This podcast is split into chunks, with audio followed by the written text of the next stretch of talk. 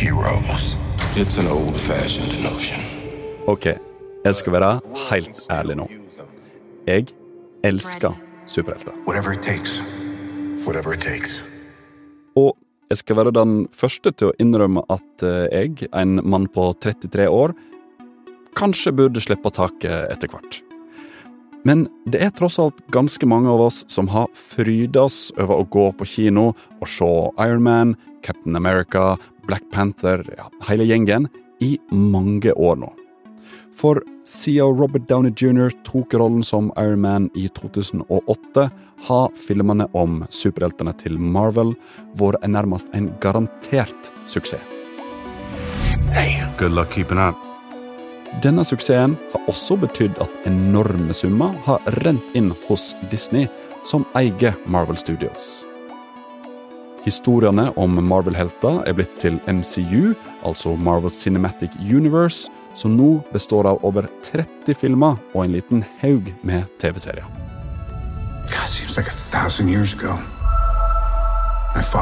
Like. Men nå er det flere ting som går galt for Marvel. Og det er problem som verken superstyrke eller en robotdrakt kan løse. Jeg heter Anders Weberg, og du hører på Forklart, en nyhetspodkast fra Aftenposten. I dag om de store utfordringene Marvel har foran seg.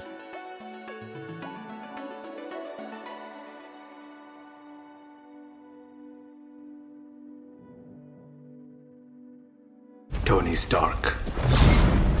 Now you work for me.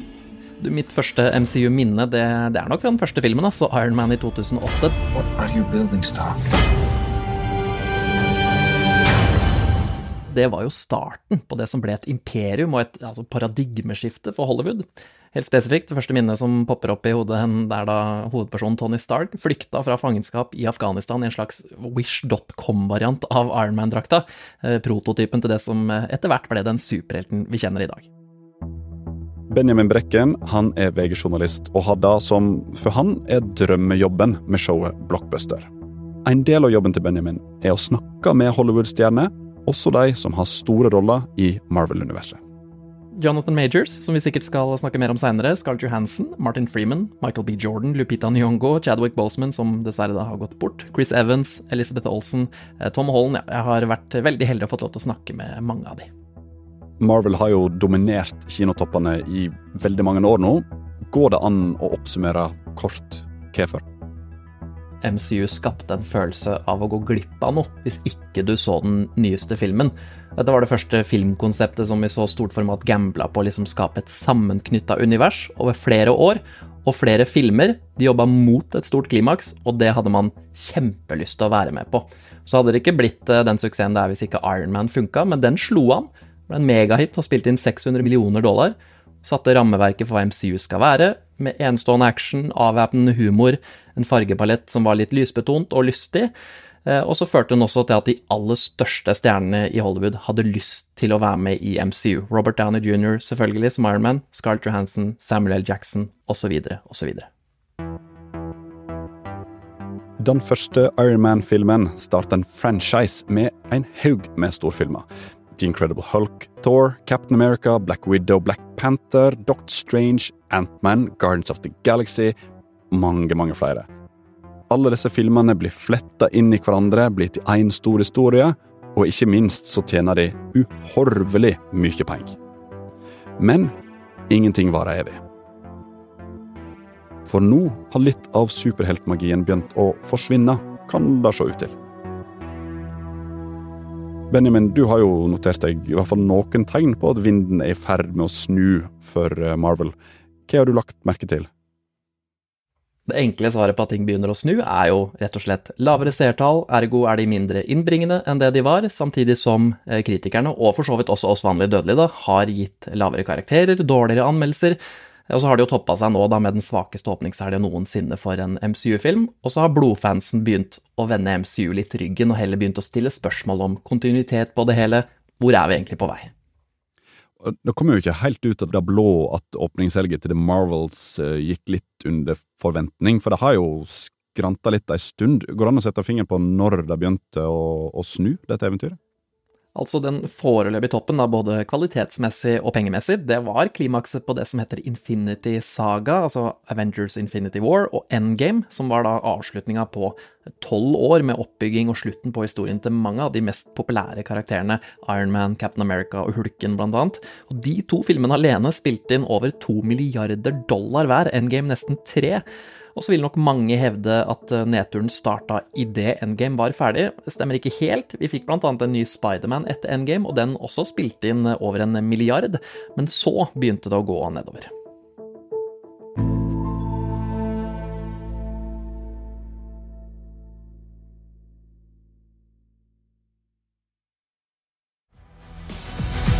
Captain Marvel, the Annihilator. Took everything from me. And now I'm returning the favor. Den foreløpig siste filmen som har kommet på kino i dette universet, er jo The Marvels. Har du sett den ennå? Jeg har sett den, ja. eh, Og hatt anledning til å snakke med regissøren også. Hva syns du, hva syns du sjøl? Nei, den var svak.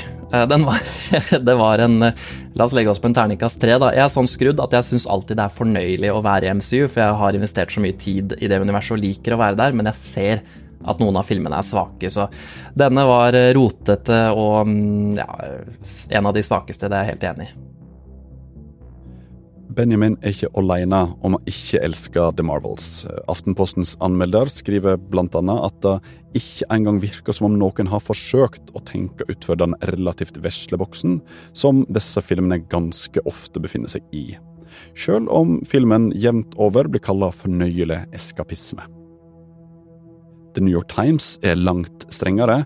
De skriver at du har sett denne filmen 32 ganger før. Og det er kanskje delvis av kritikk som dette at The Marvels har hatt den dårligste åpningshelga en MCU-film noensinne har hatt. Også her i Norge har kinotallet vært så som så. Og The Marvels eh, har på en måte kasta det man kaller det casual viewer, de som ikke har det forholdet jeg har til MCU, som kommer inn en gang iblant, kasta de til side, for her introduseres det tre karakterer som alle har nest, i hvert fall to av de har sine egne serier som du også må ha sett for å få fullt utbytte av denne filmen, eh, og da mister du liksom den gjengse kinogjenger. At anmeldere og publikum rett og slett ikke liker filmene like godt mer, er ett stort problem for Marvel og Disney, altså de som eier hele greia. Men det er bare én utfordring, for det fins mer. I denne fasen som Marvel-filmene er i nå, skulle mye handle om én karakter som heter Kang the Conqueror. En av de virkelig store skurkene i Marvel-universet. So, what's it gonna be? Ant-Man. Og bak den karakteren er skuespilleren Jonathan Majors. Jeg fikk anledning til å intervjue han og spurte liksom må du klype deg i armen om dagen, for du har så mye suksess, og han var liksom on the top of the world, og så kom fallet, da. Tilbake i mars så ble Jonathan Majors sikta for overfall av ei kvinne, i en situasjon som politiet kaller vold i heimen. Majors han nekter for anklagene. Hans advokatteam de har gått til på en måte motangrep og beskyldt påtalemyndigheten for å holde tilbake videobevis som vil renvaske Majors.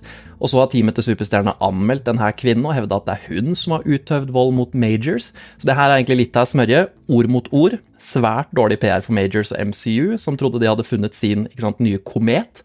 Eh, Så nå prøvde vel Majors og co. å få denne saken avvist i retten. Det skjedde ikke, så den skal opp eh, for retten nå i slutten av november. Her må vi jo understreke at det er mye som er uavklart i denne historien. Men Benjamin, har anklagene og all oppmerksomheten rundt Jonathan Majors påvirka filmene på noe vis? Akkurat nå så er det litt opp i lufta hva Marvel faktisk skal gjøre. Det Hollywood-pressen har klart å få på trykk, er liksom i all hovedsak anonyme kilder og rykter som sier to ting. Enten at Majors rett og slett blir erstatta av en annen skuespiller, og planen rundt karakteren hans um, liksom fortsetter litt som før, bare med en annen i rollen. Litt som vi ser i såpeoperaer. Men det andre alternativet, da, som virker mest sannsynlig nå, som har fått mest blest de siste ukene, det er at Marvel-bossene rett og slett vurderer å bare droppe hele Kang-storylinen. Og det kommer til å gå utover to-tre filmer der fram i tid. Det vi faktisk har sett av Kang og Jonathan Majors så langt, er primært TV-serien Loki, som akkurat er ferdig med sin andre sesong, og filmen Ant-Man Quantumania. Og Quantumania har, i likhet med The Marvels, fått slakt for spesialeffektene. Problemet for oss seerne er jo at det rett og slett ser, ser digitalt ut. Det føles for mye som et dataspill ut, og ikke en tenkt ekte verden, da, som det skal være. Effekten er liksom usammenhengende med tanke på verden de skal operere i. Det blir litt som om noen har tatt eh, kosten i et vilkårlig malingsmann hver gang de skal legge på et nytt strøk. Og Taika Waititi, en av regissørene som lagde Thor Ragnarok og Thor Love and Thunder, har jo sjøl spøkt med at mye av CGI-en i Love and Thunder ikke ser bra ut. Og når disse egne folk begynner å si det, ja, da, da er du kanskje på feil kurs. Bak alle spesialeffektene, det som en kaller VFX, eh, hos Marvel så ligger det jo veldig mange arbeidere og mange arbeidstimer. Her ligger det også en historie som har utfordra Marvel-filmene i det siste. Hva som skjer her? Ja, Det problemet er ganske sammensatt, men kjernen er at VFX-arbeiderne til Marvel mener at de er overbelasta, blir utbrent, får for lite betalt. Det smalt jo skikkelig tilbake i 2022, da flere altså Twitter- og Reddit-brukere som jobber med VFX, begynte å snakke negativt om det å jobbe for Marvel, om det å jobbe for Disney. De er jo Marvel. Essensen var liksom urimelig deadline, som så å si var umulig å overholde, et ekstremt leveringspress, eh, egentlig all mulig form for press, amatørskap i ledelsen, eh, lønn som ikke sto i forhold til arbeidsmengden, aldri en pause å få fordi det er så mange prosjekter gående samtidig. Men alt det her, pluss at man sikkert har blitt inspirert av skuespiller- og forfatterstreiken, som nettopp ble avslutta, har ført til at bl.a. VFX-arbeiderne hos Walt Disney Pictures eh, stemte for å bli med i fagforening nå i starten av oktober. Nettopp da for å få bedre arbeidsforhold og bedre vilkår.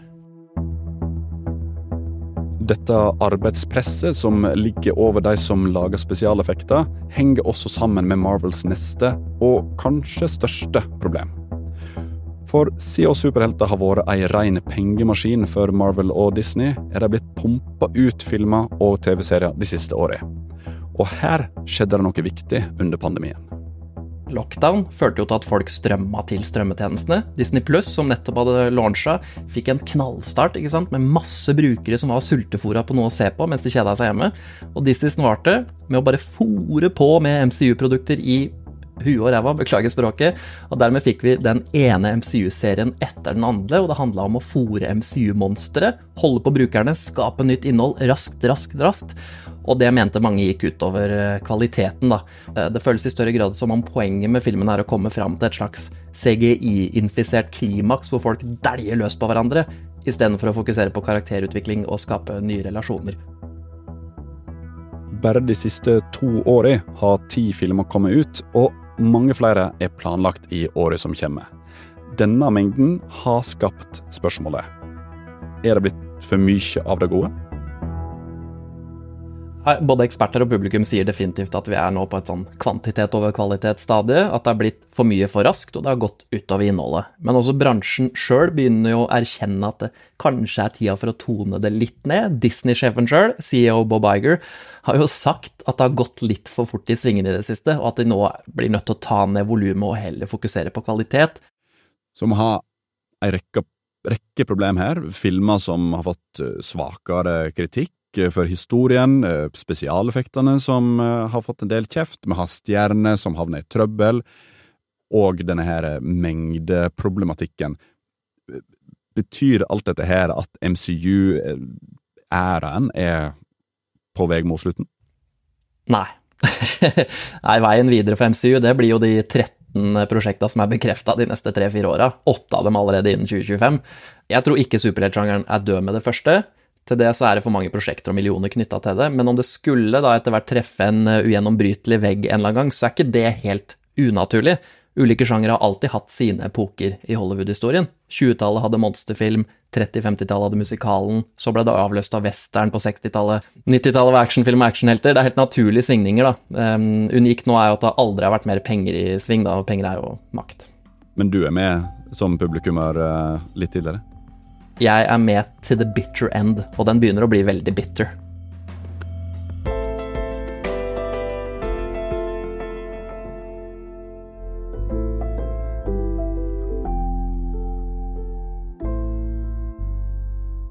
Du har hørt en podkast fra Aftenposten. Det var Benjamin Brekken fra Blockbuster som tok det gjennom Marvels store utfordringer. Denne episoden er laga av produsent Jenny Førland og meg, Anders Weberg. Resten av Forklart er David Vekoni, Synne Søhol og Olav Eggesvik. Du har hørt lyd fra trailerne til The Marvels, Quantumania, Avengers Endgame og Iron Man. Og du, husk at du kan følge oss i Spotify. Da kan du også få beskjed hver gang det er en ny episode ute. Så ser du fort om du har lyst til å høre den eller ikke. Tips veldig gjerne også noen du kjenner om oss, hvis de ikke allerede hører på.